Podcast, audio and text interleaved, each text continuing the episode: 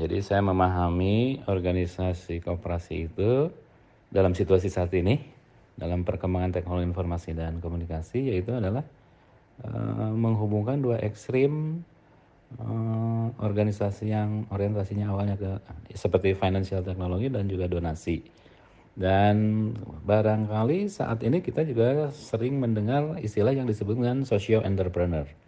Sepengetahuan saya kalau dulu uh, dua uh, pengertian sosio dan entrepreneur. Sosio itu di kegiatan yang bersifat sosial, yang kedua yang entrepreneurship itu ber, uh, orientasinya pasti ke ekonomi. Sepertinya dua hal yang uh, terpisah. Sebagaimana ada dua rel kereta yang tidak ada titik temunya. Nah, perkembangan sekarang tentu ini uh, dihubungkan dengan perkembangan ICT ada yang disebutkan fenomena konvergensi. Konvergensi itu suatu uh, dua rel kereta yang awalnya kita tidak memberikan memperkirakan akan terhubung ternyata bisa terhubung. Jadi konvergen di satu titik.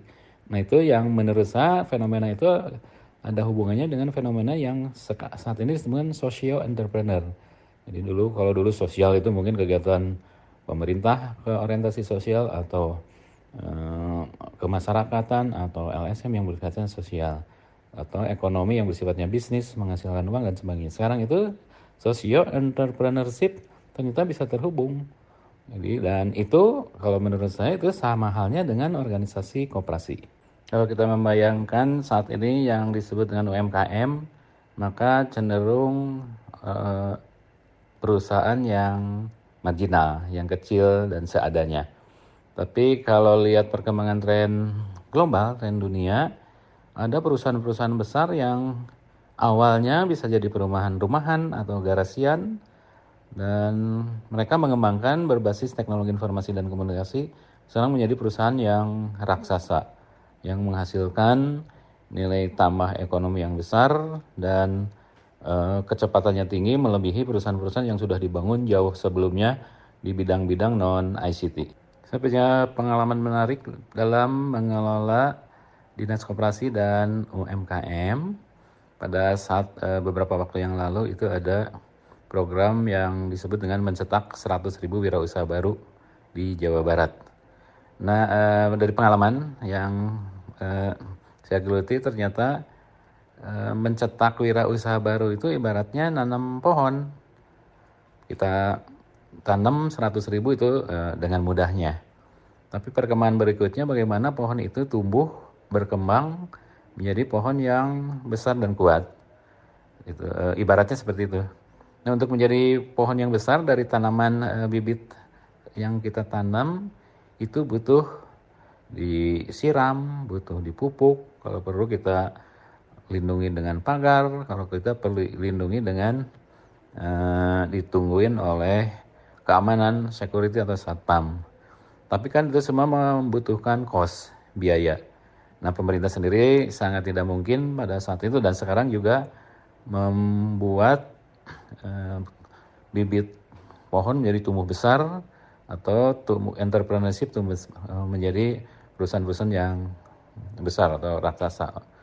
Nah tiada lain, nggak ada pilihan lain kecuali harus ada kolaborasi kebersamaan di antara Eh, komponen membangun negara, pilar negara itu ada yang disebut dengan lima pilar atau nama kernya pentahelik di antara akademisi, bisnis, community, government, dan media atau ABCGM. Dan saya sendiri punya pengalaman dan sekarang masih ada eh, membentuk yang disebut dengan organisasi ABCGM di Instagram. Kita bisa lihat ada ABCGM Jabar. Dan programnya kita pernah melakukan yaitu UMKM naik kelas atau scale up. Dan harusnya kita juga punya pengalaman tanpa dibiaya APBD kita bisa melakukan uh, program eh, UMKM naik kelas. Beberapa waktu yang lalu Pak Presiden Jokowi pernah menyatakan bahwa kita harus membentuk yang disebut dengan kooperasi yang korporasi. Dan saya juga pernah diundang pada satu oleh Pak Menteri eh, yang lama. Eh, dan modelnya mungkin sampai sekarang juga belum e, contoh yang ideal belum ketemu. Tapi sebetulnya kalau kita bisa melihat di Jawa Barat, di Bandung Selatan, itu ada koperasi yang disebut dengan Koperasi Peternak Susu Bandung Selatan KPBS yang sudah dibentuk eh, 50 tahun yang lalu oleh para peternak sapi yang menghasilkan susu. Nah, dalam perkembangannya si koperasi KPBS ini memiliki unit usaha eh, simpan pinjam. Unit usaha simpan pinjam ini dalam bentuk korporasi yaitu PT, PT BPR. Jadi perbankan yang dikelola oleh bukan para petani, tapi oleh profesional yang di hire, yang dibayar dengan uh, tinggi, dengan uh, ya secara profesional seperti itu. Nah dengan koperasi dengan PT BPR ini maka uh, unit ini bisa melayani uh, anggota koperasi dan juga bisa melayani masyarakat secara umum. Perkembangan berikutnya kooperasi KPBS ini membuat unit usaha pengolahan susu. Selama ini pengolah susu itu dijual ke perusahaan-perusahaan untuk diolah menjadi eh, produk olahan yang lain.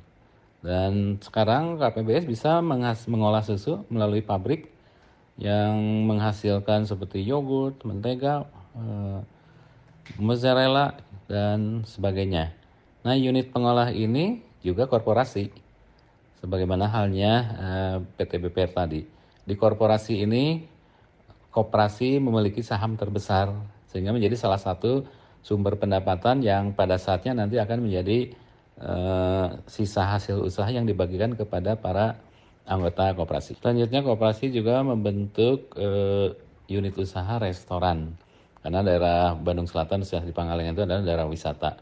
Nah, di restoran ini menjual produk-produk olahan koperasi dan juga uh, produk restoran yang lainnya. Di sini juga uh, restoran adalah sebagai unit usaha yang dimiliki oleh koperasi. Dalam hal ini pemilik saham terbesar adalah koperasi. Dan yang lebih menarik lagi, mudah-mudahan ini jadi kalau dulu uh, mereka berniat untuk membentuk uh, rumah sakit yang awalnya dari uh, balai pengobatan seperti itu. Nah, betapa Eh, koperasi yang harusnya kalau kita bisa kelola dengan baik dan benar itu adalah menjadi holding eh, company seperti itu kira-kira.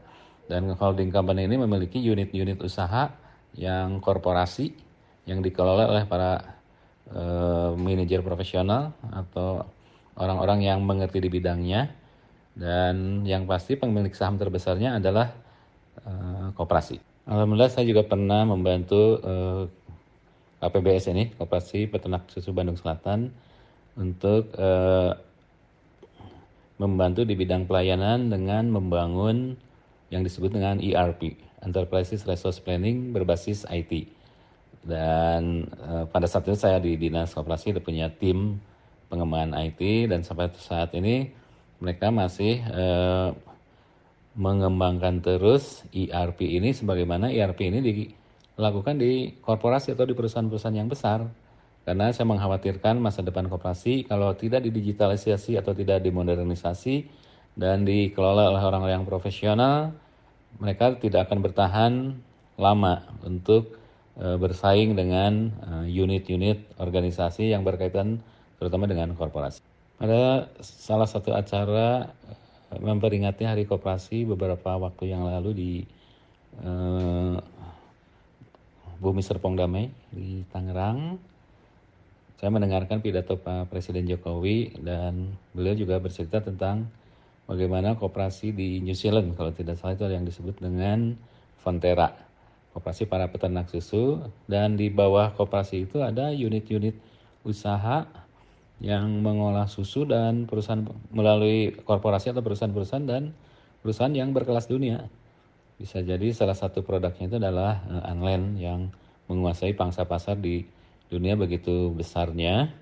Juga ada Pak Presiden menjelaskan juga ada di Amerika itu ada Ocean Spray para petani di uh, perkebunan atau pertanian bidang cranberries yang itu juga dilakukan oleh koperasi. Jadi di negara Amerika yang sangat uh, ekonominya liberal ternyata tumbuh juga koperasi-koperasi yang dihimpun oleh para petani. Dengan menghubungkan poin-poin yang sudah dijelaskan di atas, maka eh, tren ke depan adalah UMKM karena eh, tentunya UMKM tersebut dengan cara pandang yang baru yaitu dengan memanfaatkan ICT. Nah UMKM ini eh, sangat rentan dan kalau mau kuat para UMKM harus berhimpun dalam bentuk koperasi. Tentunya sekali lagi koperasi yang berbasis eh, teknologi informasi dan komunikasi atau digitalisasi.